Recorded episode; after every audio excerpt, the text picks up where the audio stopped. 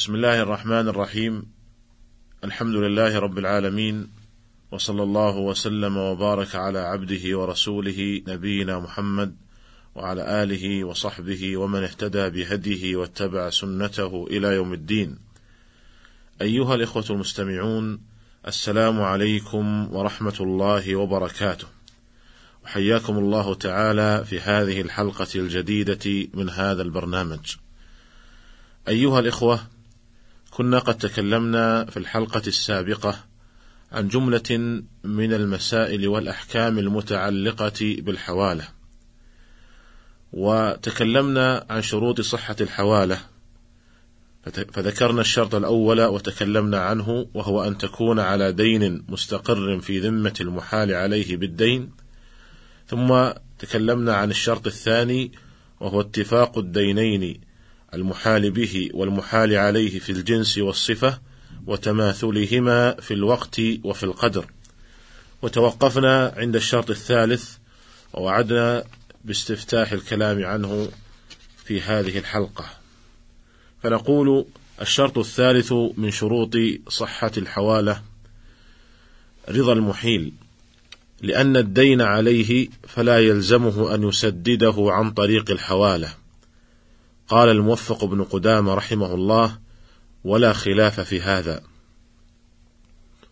وأما المحال عليه فلا يعتبر رضاه لأن للمحيل أن يستوفي الحق بنفسه أو بوكيله وقد أقام المحال مقام نفسه في القبض فلزم المحال عليه الدفع إليه كالوكيل. وأما المحال فهل يعتبر رضاه؟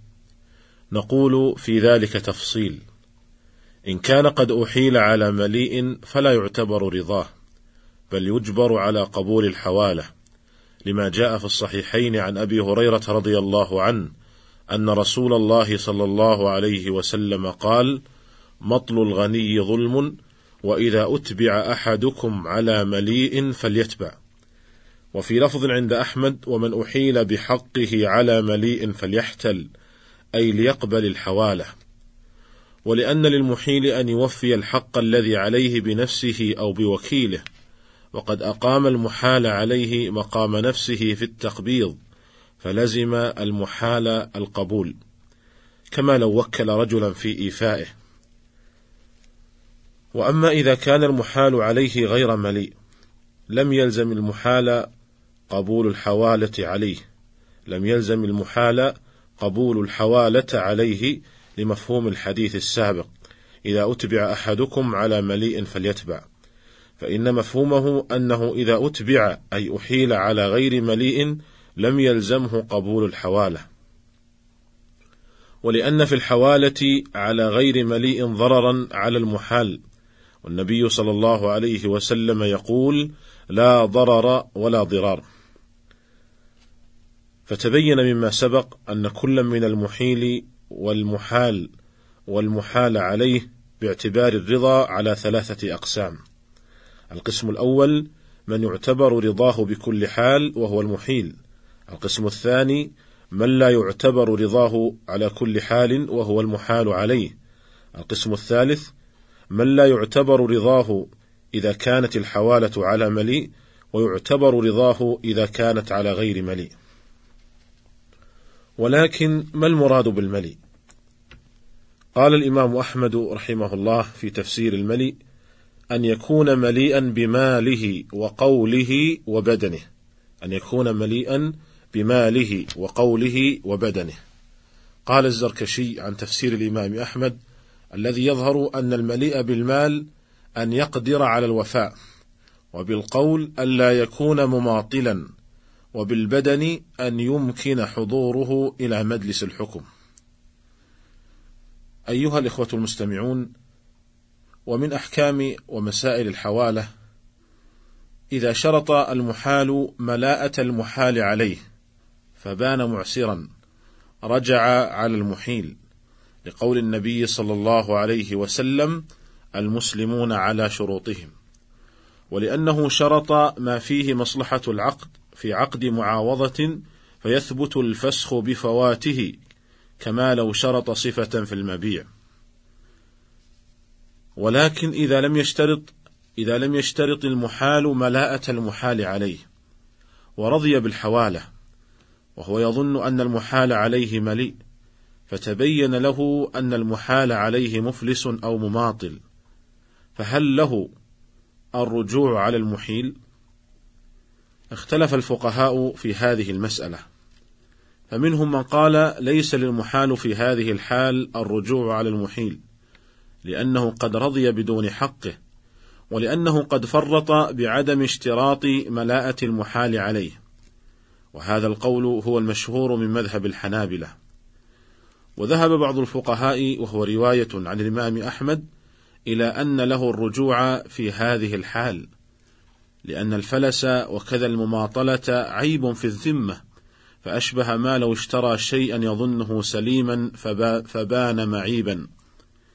ولأن المحيل قد غر المحال بتلك الحوالة والمحال لم يرضى بنقل دينه إلى ذمة المحال عليه إلا مع عدم المانع.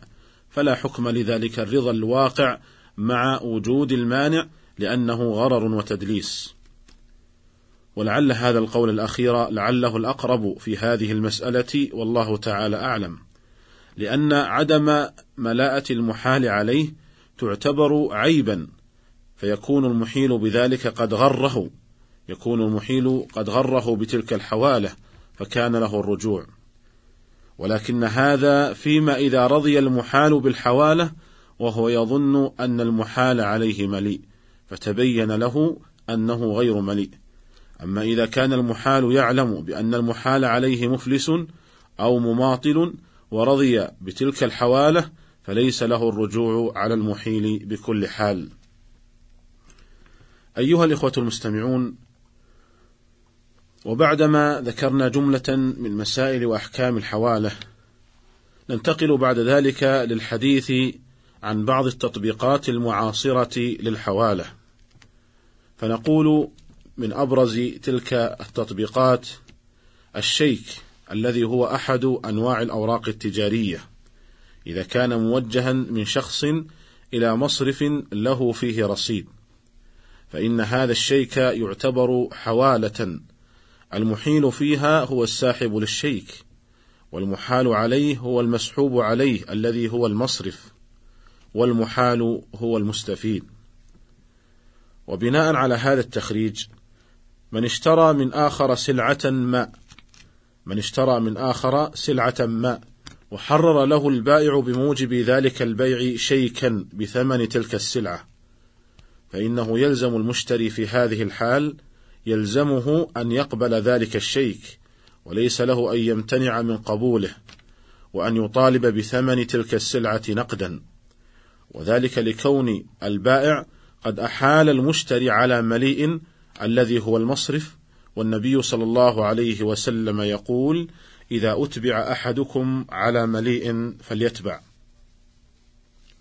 وقد سبق تقرير القول بأنه لا يشترط رضا المحال إذا كان المحال عليه مليئا. ومن فروع هذه المسألة كذلك لو أن شخصا باع آخر سيارة ثم إن المشتري رفض أن يستلم ثمن تلك السيارة نقدا وطلب من البائع أن يحرر له بثمنها شيكا فلا يلزم البائع ذلك لأن البائع في هذه الحال يعتبر محيلا فيما لو حرر له شيكا. وقد سبق تقرير القول بأنه يشترط في الحوالة رضا المحيل. ومن فروع هذه المسألة كذلك لو أن المستفيد في الشيك الذي هو المحال قد ظهر هذا الشيك وهو ما يسمى بتجيير الشيك إلى دائن له فإن هذا يعتبر حوالة جديدة يتحول فيها المستفيد في ذلك الشيك من كونه محالا إلى كونه محيلا والمحال هو المظهر إليه والمحال عليه هو المصرف المسحوب عليه. وللمظهر إليه أن يظهر ذلك الشيك أي أن يجيره إلى دائن له. ويصبح ذلك حوالة جديدة وهكذا. وبعض الناس رابة منه في عدم تكرار الحوالة يكتب على الشيك يصرف للمستفيد الأول. وبذلك لا يستطيع المستفيد في ذلك الشيك أن يكرر الحوالة بذلك الشيك أي أنه لا يستطيع تظهير ذلك الشيك أي تجيره وهذا شرط صحيح سائغ شرعا والله تعالى أعلم. أيها الإخوة المستمعون نكتفي بهذا القدر في هذه الحلقة ونستكمل الحديث عن تطبيقات معاصرة للحوالة في الحلقة القادمة إن شاء الله تعالى. فإلى ذلك الحين أستودعكم الله تعالى والسلام عليكم ورحمة الله وبركاته.